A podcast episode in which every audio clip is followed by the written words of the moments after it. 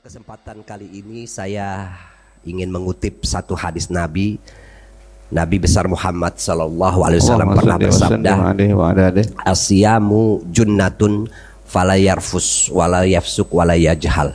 Fa inim ru'un qatalahu aw syatamahu falyaqul inni shaim. Ini semacam panduan dari Nabi besar Muhammad buat kita yang menjalankan ibadah puasa di bulan Ramadan ini. Kata beliau, Puasa adalah tameng batin buat orang yang berpuasa. Artinya orang yang berpuasa itu harus terhindarkan diri dari hal-hal yang tercela. Oleh sebab itu, falayarfus walayabsuk walayajhal. Orang yang puasa itu jangan berkata kotor, jangan berkata kasar, dan jangan bertindak bodoh, kata Nabi Muhammad. Bahkan fa ini murun lahu au syatamahu falyakul inni soim. Kalau ada orang yang menantang dia, atau mencaci maki dia, maka kata Nabi, "Fal yakul inni soim." Orang yang puasa itu hendaknya sadar akan puasanya, tidak meladeni orang yang menantang, tidak meladeni orang yang mencaci maki dirinya. Ini satu panduan yang luar biasa, cocok dengan momen bulan Ramadan di mana kita itu menahan dari makan dan minum. Biasanya orang kalau lapar dan haus plus ngantuk itu gampang marah gampang emosi. Maka di bulan Ramadan ini kita selalu diingatkan untuk selalu mampu menahan diri. Orang yang ketika lapar, haus, ngantuk, mampu mengontrol dirinya, mampu menahan emosinya, tidak gampang marah. Bahkan di hadis tadi, seandainya dicontohkan secara ekstrim, seandainya dicaci maki dan ditantang, dia akan berkata, "Maaf, saya sedang puasa."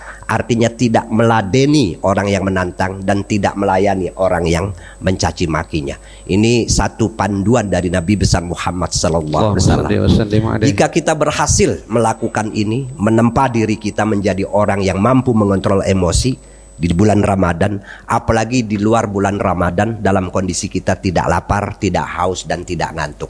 Itulah sebetulnya Bulan Ramadan adalah bulan latihan, bulan menempah diri kita masing-masing supaya kita itu simpelnya itu menjadi orang-orang yang bertakwa.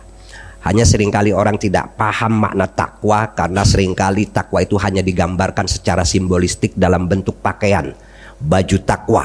Padahal takwa itu adalah karakter, seperti yang sudah saya sebutkan tadi alladzina yumfikuna fis sarra'i wad dharra'i wal kadhiminal ghaidha wal afina anin nas. Yaitu orang-orang yang mampu mengontrol mem, memiliki kedermawanan hati mampu mengontrol emosi mudah memaafkan orang lain dan selalu gemar untuk berbuat baik.